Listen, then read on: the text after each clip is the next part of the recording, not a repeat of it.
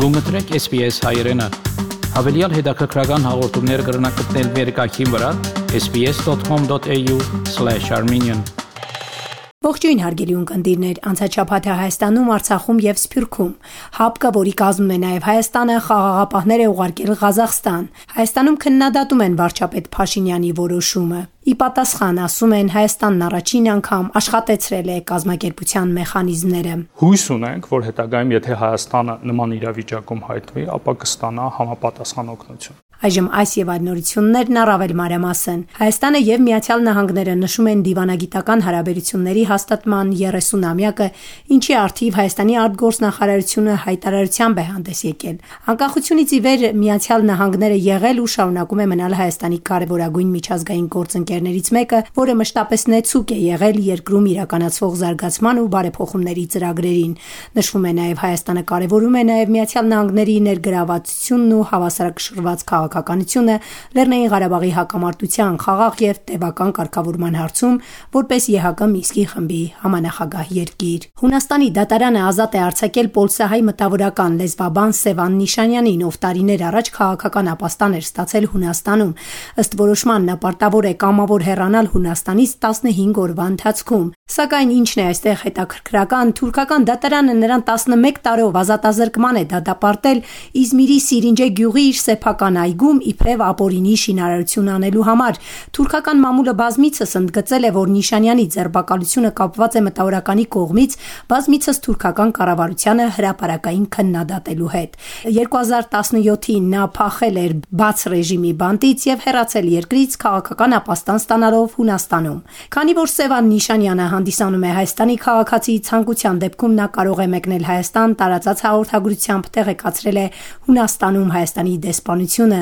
Նիշանյանը շնորհակալություն է հայտնել Հայաստանի դեսպանատանը նշելով իմ կյանքում առաջին անգամ զգացի, որ իմ թիկունքում կանգնած է պետություն առանց որևէ պայմանների եւ առանց որևէ տատանման։ Հայաստանի պաշտպանության նախկին նախարար Վաղարշակ Հարությունյանը, ով գերատեսչությունը ղեկավարել է 44-օրյա պատերազմից հետո, մինչև 2021 թվականի հուլիսը նշանակվել է Ռուսաստանի Դաշնությունում Հայաստանի Հանրապետության արտակարգ եւ լիազոր դեսպան։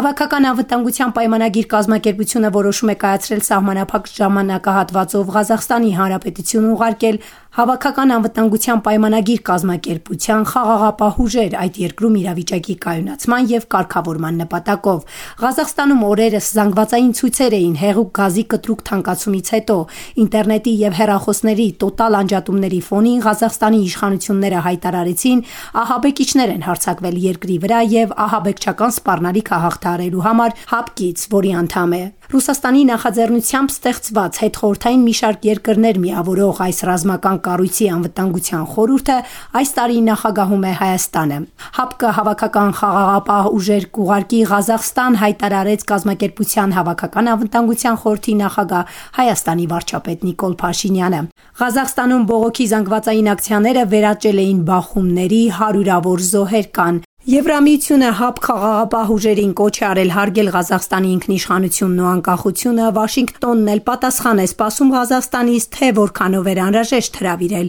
ՀԱՊ զորքերին ներքին անկարգությունները կարգավորելու համար։ Իսկ Հայաստանում Փաշինյանի հայտարարությունը բուրըն քննադատության առիթ է դարձել։ Կազմակերպությունն ինչու չօգնեց Հայաստանին, երբ Հայաստանը որպես անդամ երկիր դիմեց քաղաքացիները դժգոհ են որոշումից։ Այդ նույն հապկան ինչի Հայաստանի համար զորքերն են մեր պատերազմին։ Քիչ զոհվեցին, հա մեր երեխեքը դեմ եմ։ Վարչապետ Փաշինյանի հայտարարությունը ՀԱՊ խաղաղապահ ուժեր, այդ թվում Հայաստանից զորք ուղարկելու մասին քաղաքական մի շարք գործիչներ եւս քննադատել են։ Քաղաքագետ Սուրեն Սարգսյանի խոսքով որպես ՀԱՊ նախագահող Հայաստանն առաջին հարվածը վերցրեց իր վրա այն ինչ տեղի ունեցավ իշխանապահությունից հետո Հայաստանում առաջին հերթին արտաքին քաղաքականության մասին եմ ասում, առաջին հերթին մենք որոշում կայացրեցինք մասնակցել Սիրիայում խաղաղապահարակելությանը եւ զորախումբ ուղարկեցինք Սիրիա, սա բնականաբար չափազանց մեծ դժգոհությամբ ընդունվեց եւ ընկալվեց Վաշինգտոնի կողմից եւ սա անընդունելի համարվեց Միացյալ Նահանգների կողմից։ Իհարկե միանգամից որևէ բան տեղի չունեցավ, բայց վստահ եղեք, որ ժամանակի կտրվածքով, երկարաժամկետ կտրվածքով իհարկե դա նաև իր բացասական հետևանքներ թողել է, նույնը կարելի ասել իհարկե այս որոշման մասին։ Իդեպ Հայաստանում հիշեցնում են 2017-ին ընդդիմադիր Նիկոլ Փաշինյանի խոսքերը. ՀԱՊԿ-ի արդյունավետության եւ այս կազմակերպությանը Հայաստանի անդամակցության նպատակահարմարության վերաբերյալ։ Ընդդիմադիրները նշում են, թե Ռուսաստանի առաջնորդած ռազմական դաշինքն ամենաշատը քննադատած մարդը դարձել է ՀԱՊԿ-ի պաշտպանը։ Հենց հարցակումը սկսում է, բազում է որ չէ ՀԱՊԿ-ի պայմանագիրը այդ դեպքի համար չի։ Մեր ճշնամուն ՀԱՊԿ-ն է զինում, մեր ճշնամուն ՀԱՊԿ-ն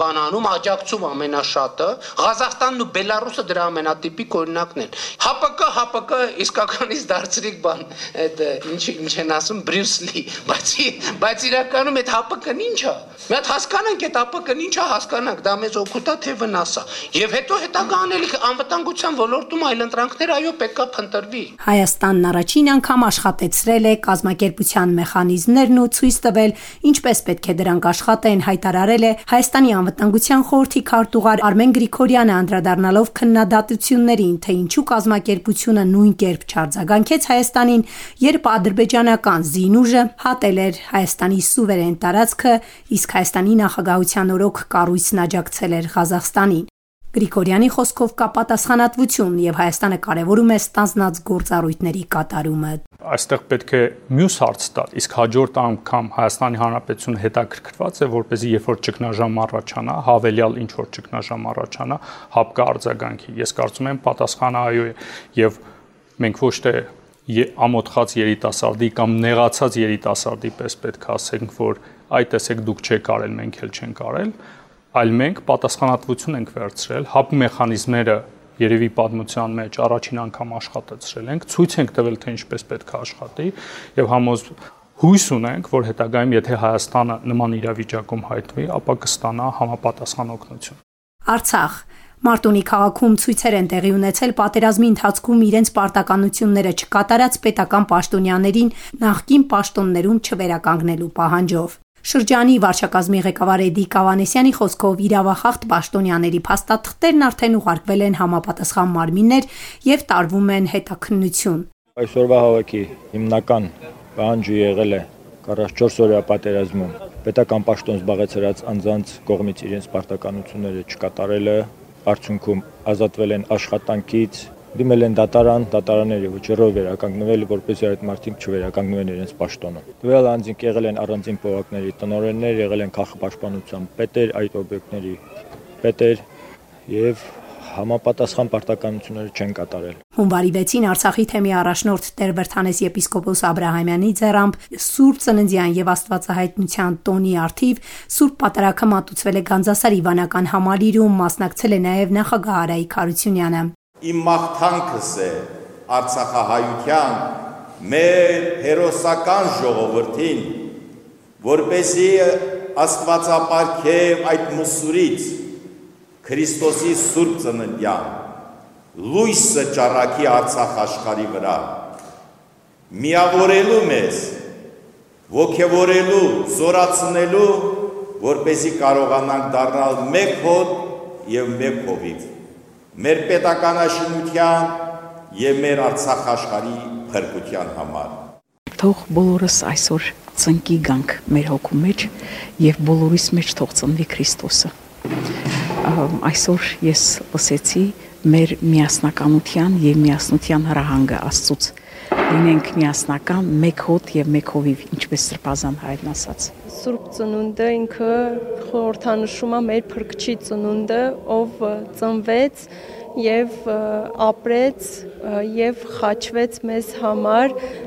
ուրախ եմ որ այսօր գտնվում եմ հենց Գանձասարում Սփյուռք Ռուսաստանում Հայաստանի դեսպանատունը էլեկտրոնային փոստով պայթուցիկ սարքի մասին սպառնալիք է ստացել։ Նամակի հեղինակը պահանջել է Հայաստանից հանել խաղաղապահ զորքը Ղազախստանից, այլապես գործի կդրվի պայթուցիկ սարքը։ Դեսպանատունը դիմել է պատկան մարմիններին, ստուգումների արդյունքում պայթուցիկ սարք չի հայտնաբերվել։ Հունվարի 6-ին Սուրբ Ծննդյան եւ Աստվածահայտնության տոնի առիթով Սուրբ Պատարագ է մատուցվել աշխարհի տարբեր երկրներում, հայկական եկեղեցիներում։ Էրբիլի հայկական Սուրբ խաչ եկեղեցում պատարակին մասնակցել են Քուրդիստանի կառավարության ներկայացուցիչները եւ հարևան Վրաստանի նախագահ Սալոմե Զուրաբիշվիլին այցելել է Թբիլիսի Սուրբ Գևորգ առաջնորդանիստ եկեղեցի Քրիստոսի ծննդյան տոնի արդիվ շնորհավորելով հայերին։ Վարչապետ Իրակլի Ղարիբաշվիլին էլ իր շնորհավորական ուղերձում մասնարապես ասել է. Եղբայրության եւ փոխադարձ հարգանքի վրա հիմնված այս դարավոր պատմությունը պայմանավորված է մեր ժողովուրդների բարի դրացիական եւ բարեկամական հարաբերություններով, որոնք համոզված եմ շարունակվելու են նաեւ ապագայում։